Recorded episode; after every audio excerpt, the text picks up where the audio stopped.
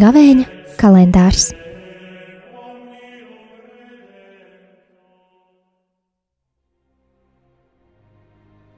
Divdesmit otrais marts, pirmdiena.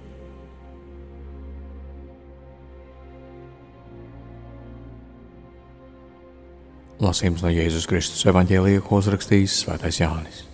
Tajā laikā Jēzus aizgāja uz eļļas kalnu, bet rīta uzmā viņš atkal atnāca uz svētnīcu, un visi ļaudis gāja pie viņa, un viņš apsēdies tos mācīja. Te rakstu zinātāji un farizēji atveda laulības pārkāpšanā pieķertu sievieti, un viņu vidū nostādījuši, sacīja Jēzum. Mācītāji šī sieviete ir tieši pieķerta laulības pārkāpšanā. Likumā Mūzus mums ir pavēlējis tādas nomētāt ar akmeņiem. Bet ko tu saki? Taču viņi to jautāja Jēzu pārbaudīdami, lai varētu viņu apsūdzēt. Bet Jēzus noliecās un rakstīja ar pirkstu uz zemes.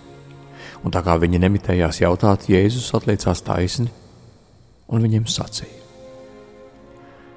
Kurš no jums ir bez grēka, tas lai pirmais met akmeni uz viņu. Un atkal noliecies viņš, turpināja rakstīt uz zemes.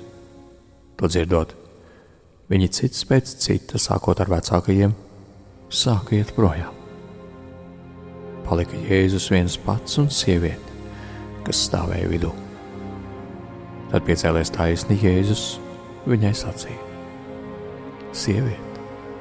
Kur viņi ir, vai neviens tevi nepazudināja? Viņa atbildēja: Nē, kungs, neviens. Tad Jēzus viņai sacīja: Arī es tevi netiesāju. Ej, bet negrēko vairs. Tie ir svētā evaņģēlīja vārdi.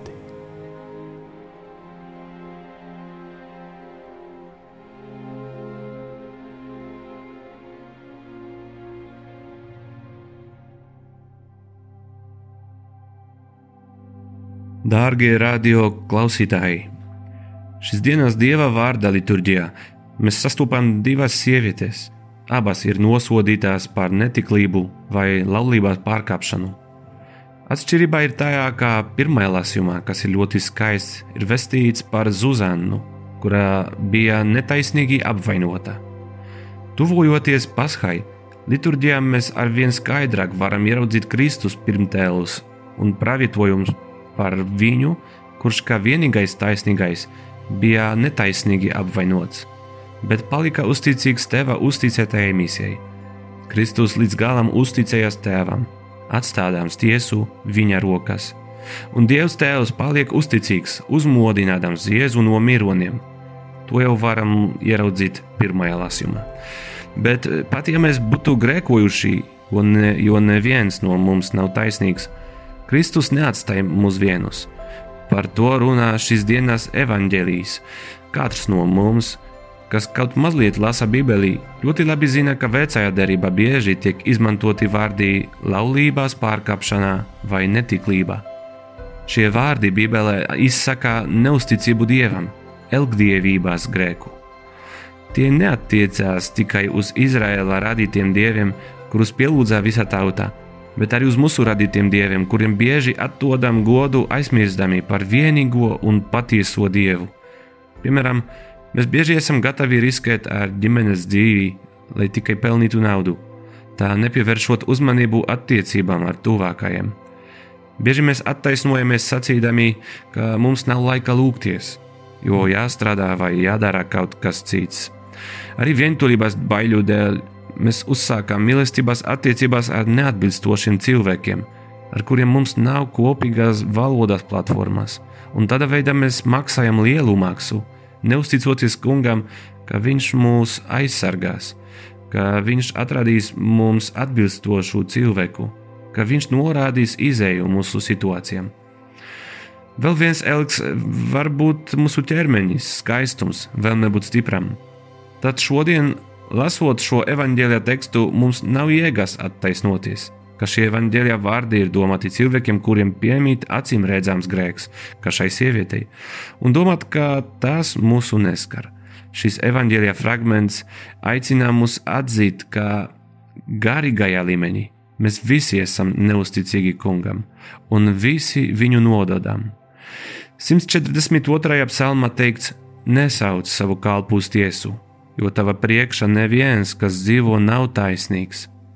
Un vēl 129. psalmā mēs lūdzamies, ja tu, kungs, pieminēsi pārkāpumus, kungs, kurš tad pastāvēs? Jo katrs grēks ir dieva nodošana un viņa baušu un mīlestības atmešana. Nobeigumā pievērsīsim uzmanību tam, ko dara Jēzus Kristus. Tā ir vienīgā reize evanģēlijā, kad redzam Jēzu rakstot smiltīs. Tas visticamāk atsaucas uz pravieša Jeremijā vārdiem, kur 17. nodaļā saka, kas no tevis atkāpjas, to vārdus rakstīs zemes smiltīs, jo tie atstājuši kungu dzīvībās ūdens avotu. Šajā brīdī daudzi tur klātesošie saprata, ka Jēzus zina visus viņu grēkus, un ka nevienam no viņiem, kuri nav bez grēka, nav tiesības tiesāt, nosodīt un mest ar akmeņiem. Tādēļ tautas visvecākie, kas vislabāk no visiem zināja likumu un rakstus, pirmie atstāja šo vietu. Tas viss aicina mūs šodien pārdomāt divas lietas. Ja tu, kā pirmajā lasījumā teikts, pārdzīvo netaisnīgu situāciju, uzticies Dievam un atstāj visu viņa rokās. Viņš savā laikā tevi aizsargās, jo viņš ir uzticīgs un mīl taisnību. Un, ja esam sagrekojuši, ka sieviete evanģēlijā mums ir aizsargs debesīs, taisnīgais Jēzus Kristus, ka aizstāvis pie tēva.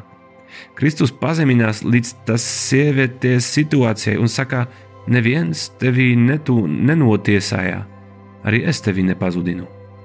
Viņš nemet uz mums ar akmeņiem, Tāpēc atzīsim savus grēkus, neatstāsim grēksūdzi pēdējiem brīdim, bet jau šodien atvērsimies Jēzus Kristus mīlestībai.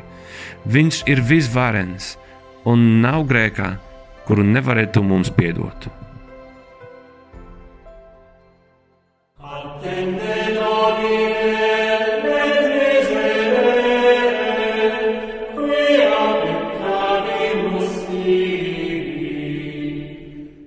Gavēņa kalendārs